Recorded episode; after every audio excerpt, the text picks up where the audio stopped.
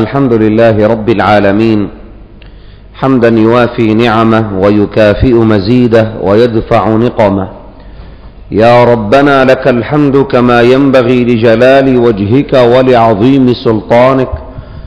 سبحانك لا نحصي ثناء عليك أنت كما أثنيت على نفسك. اللهم لك الحمد حمدا خالدا مع خلودك. ولك الحمد حمدا لا منتهى له دون علمك. ولك الحمد حمدا لا منتهى له دون مشيئتك ولك الحمد حمدا لا أجر لقائله إلا رضاك. والصلاة والسلام على سيدنا محمد خاتم الأنبياء والمرسلين وعلى آله وأصحابه ومن تبعهم بإحسان إلى يوم الدين. يا أيها الناس اتقوا ربكم إن زلزلة الساعة شيء عظيم يوم ترونها تذهل كل مرضعة عما أرضعت وتضع كل ذات حمل حملها وترى الناس سكارى وما هم بسكارى ولكن عذاب الله شديد. يا أيها الذين آمنوا اتقوا الله وقولوا قولا سديدا يصلح لكم أعمالكم ويغفر لكم ذنوبكم ومن يطع الله ورسوله فقد فاز فوزا عظيما وبعد أيها الإخوة الأكارم فبين يدي وأيديكم ونحن في عيد الفطر المبارك بين يدي وأيديكم خيرا نقدمه لأنفسنا ونقدمه للناس ونستمطر به رحمة الله سبحانه وتعالى. حديث من أحاديث المصطفى صلى الله عليه وسلم. أرجو أن تعطوه مسامعكم وأن تصغوا إليه وعلنا أن نطبقه كله أو جزءا منه إن شاء الله. روى الطبراني في الأوسط من حديث عبد الله بن عمر رضي الله تعالى عنهما أن رجلا جاء إلى رسول الله صلى الله عليه وسلم فقال يا رسول الله أي الناس أحب إلى الله؟ وأي الأعمال أحب إلى الله؟ أي الناس أحب إلى الله؟ وأي الأعمال أحب إلى الله. فقال نبينا صلى الله عليه وسلم أحب الناس إلى الله أنفعهم للناس وأحب الأعمال إلى الله سرور تدخله على مسلم أو تكشف عنه كربة أو تقضي عنه دينا أو تطرد عنه جوعا.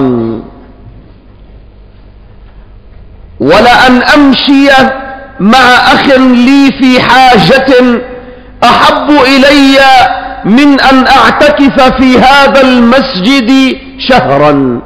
يعني مسجد النبي صلى الله عليه وسلم. ومن كف غضبه ستر الله عورته.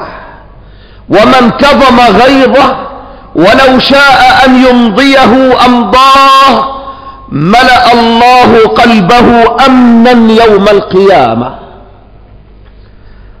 ومن مشى مع أخيه المسلم في حاجة حتى يقضيها حتى يثبتها له ثبت الله قدميه على الصراط يوم تزل الأقدام.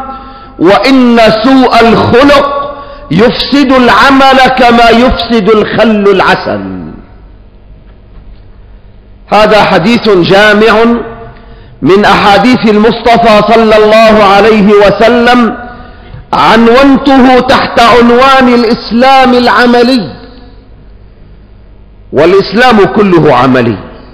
لكن إسلام المعاملة ما نحتاج إليه أيها السادة. فالدين شيئان رئيسيان. علاقة المسلم مع ربه وعلاقة المسلم مع غيره. وكل منهما يحتل في مقاصد الشريعة وفي تشريعاتها الجزئية ما يفي بهذين الغرضين الهامين. بل إن ثمرة العبادات التي نقوم بها من صلاة فرضها الله عز وجل علينا في اليوم والليلة خمس مرات يتصل فيها العبد الضعيف مع ربه القوي. يأخذ مددا من الله عز وجل يعود به خيرا ونفعا على نفسه وعلى الناس جميعا. والصيام الذي هو امتناع عن الطعام والشراب والشهوات. إنما هو أيضا تربية للنفس البشرية والزكاة تطهير لهذه النفس ولهذا المال من كل شيء يشين هذا المال. والحج تربية للإنسان في بيت الله الحرام. كل ثمرة هذه العبادات إنما تصب في خانة واحدة إنما هي علاقة العبد مع العباد. وفي هذا الحديث أيها السادة فيه ثلاثة محاور رئيسية. آتي إليها على جناح السرعة كي لا أطيل عليكم. أولا إدخال الفرح والسرور على المسلم أو قضاء حاجته. ومن إدخال الفرح والسرور على القلب على قلب المسلم أن تبتسم في وجهه.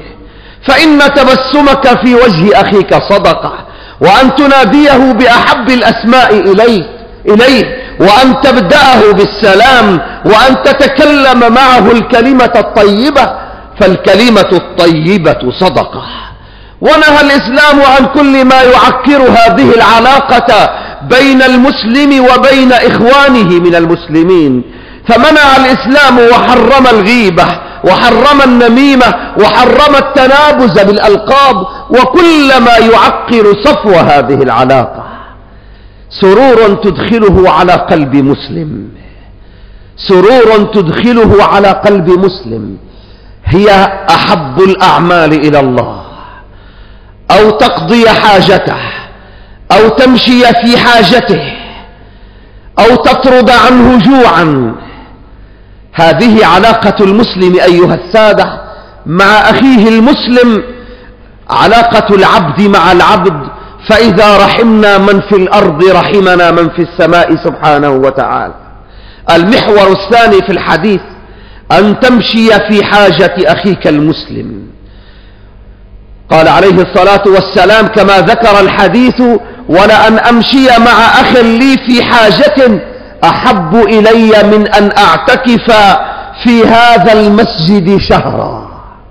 اعتكاف شهر في المسجد المشي في حاجة المسلم أحسن من الاعتكاف في المسجد شهرا. هذا كلام نبينا محمد صلى الله عليه وسلم. ومن مشى في حاجة أخيه المسلم حتى يثبتها له ثبت الله قدميه على الصراط يوم تزل الأقدام. وفي الحديث الآخر ومن مشى في حاجة أخيه مشى الله في حاجته.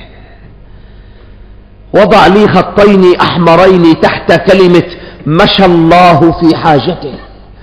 إنها كناية إنها كناية عن أن, أن, أن يقضي الله عز وجل حوائج من يمشي في حاجة أخيه مشى الله في حاجته. وقال عليه الصلاة والسلام الساعي على الأرملة والمسكين كالمجاهد في سبيل الله أو كالقائم الليل والصائم النهار. يا معاشر الإخوة هذا حديث كما قلت جامع لكثير من المواطن التي نحن بحاجة إليها وأحوج ما نكون إليها في العيد. يزور الناس بعضهم بعضا ويدخل بعضهم الفرح والسرور على قلب البعض الآخر فإن زيارتك لأخيك في بيته أو زيارته لك أو التقاؤكما في مكان مما يجعل أواصر المودة والرحمة والمحبة بينكما تفضي إليه بمشاكلك ويفضي إليك بمشاكله ترفع عنه ضيما أو تقضي له حاجة أو تفرج عنه كربة أو تقلل من مصيبة ألمت به. آجرك الله يوم القيامة. آجرك الله يوم القيامة. وانظروا كيف أن المشي في حاجة الأخ. وفي حديث آخر من مشى في حاجة أخيه قضاها أم لم يقضها. فإذا العلاقة بين المؤمنين سبب في وحدة الأمة وسبب في ترابطها إن شاء الله تعالى. ثم يختم حديث المصطفى صلى الله عليه وسلم وإن سوء الخلق وإن سوء الخلق يفسد العمل كما يفسد الخل العسل. يفسد العمل كما يفسد الخل العسل.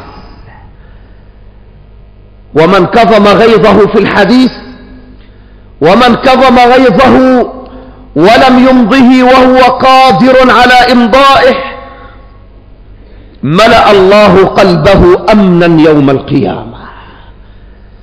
إذا أردت أن تغضب فلم تغضب ثم ضبطت نفسك فقد انتصرت على نفسك أولا. ومن كف غضبه ستر الله عورته.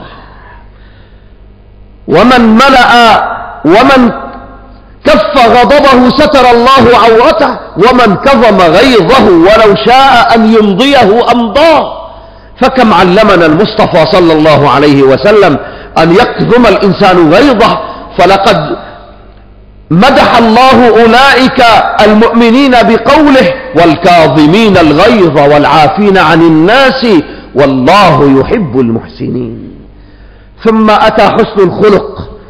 كما ورد في الحديث وإن حسن الخلق يذيب الخطايا كما يذيب الماء الجليد وسوء الخلق يفسد العمل كما يفسد الخل العسل. اللهم اجعلنا من الذين تحسن أخلاقهم وتكثر أرزاقهم. واجعلنا يا رب العالمين ممن يدخل الفرح والسرور على قلب المسلمين ببسمة أو كلمة أو قضاء حاجة إذا فإن ربنا عز وجل يثبت قدمينا على الصراط يوم القيامة ونستمطر بذلك رحمة الله سبحانه وتعالى. هذا عيد مبارك.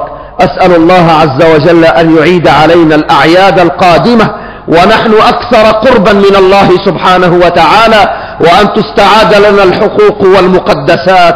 إنه على ما يشاء قدير.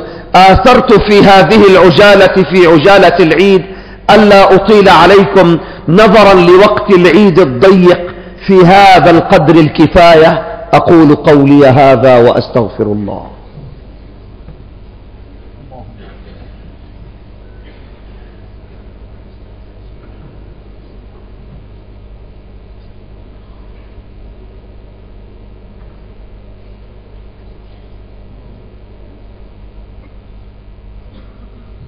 الحمد لله حمدا كثيرا كما أمر. أشكره وهو الذي وعد المزيد لمن شكر. وأشهد أن لا إله إلا الله وحده لا شريك له. له الملك وله الحمد يحيي ويميت وهو على كل شيء قدير. يا أيها الذين آمنوا اتقوا الله حق تقاته. ولا تموتن إلا وأنتم مسلمون. واعتصموا بحبل الله جميعا ولا تفرقوا واذكروا نعمة الله عليكم إذ كنتم أعداء فألف بين قلوبكم فأصبحتم بنعمته إخوانا وكنتم على شفا حفرة من النار فأنقذكم منها كذلك يبين الله لكم آياته لعلكم تهتدون اللهم صل على سيدنا محمد وعلى آل سيدنا محمد كما صليت على سيدنا إبراهيم وعلى آل سيدنا إبراهيم وبارك على سيدنا محمد وعلى آل سيدنا محمد كما باركت على سيدنا إبراهيم وعلى آل سيدنا إبراهيم في العالمين إنك حميد مجيد بر. اللهم اغفر لنا يا غفور. اللهم ارحمنا يا رحيم. اللهم تولنا بعنايتك ورعايتك وأنت أرحم الراحمين. اللهم إننا خرجنا من شهر رمضان وقد أمرتنا أن نصوم فصمنا وأمرتنا أن نقوم فقمنا ووعدتنا بالمغفرة فاغفر لنا يا رب العالمين. اللهم إنا نسألك أن تجعل أعمالنا خالصة لوجهك الكريم وأن تجعلنا جميعا من المقبولين وأن لا تجعلنا من الأشقياء المحرومين. اللهم تقبل منا صلاتنا وصيامنا وركوعنا وسجودنا ولا تضرب بشيء من ذلك وجوهنا يوم القيامة يوم الحسرة والندامة يوم لا ينفع مال ولا بنون إلا من أتى الله بقلب سليم. اللهم اجعل هذا البلد آمنا مطمئنا في سخاء ورخاء وسائر بلاد المسلمين.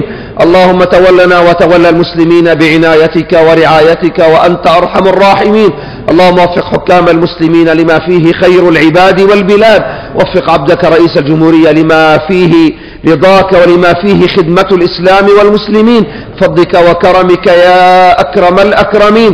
وصل اللهم على سيدنا محمد وعلى آله وصحبه وسلم.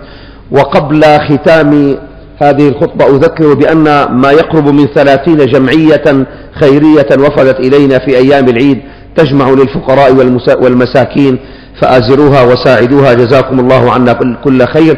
إن الله يأمر بالعدل والإحسان وإيتاء ذي القربى وينهى عن الفحشاء والمنكر والبغي يعظكم لعلكم تذكرون. أقم الصلاة. الله أكبر الله أكبر. أشهد أن لا إله إلا الله أشهد أن محمدا رسول الله.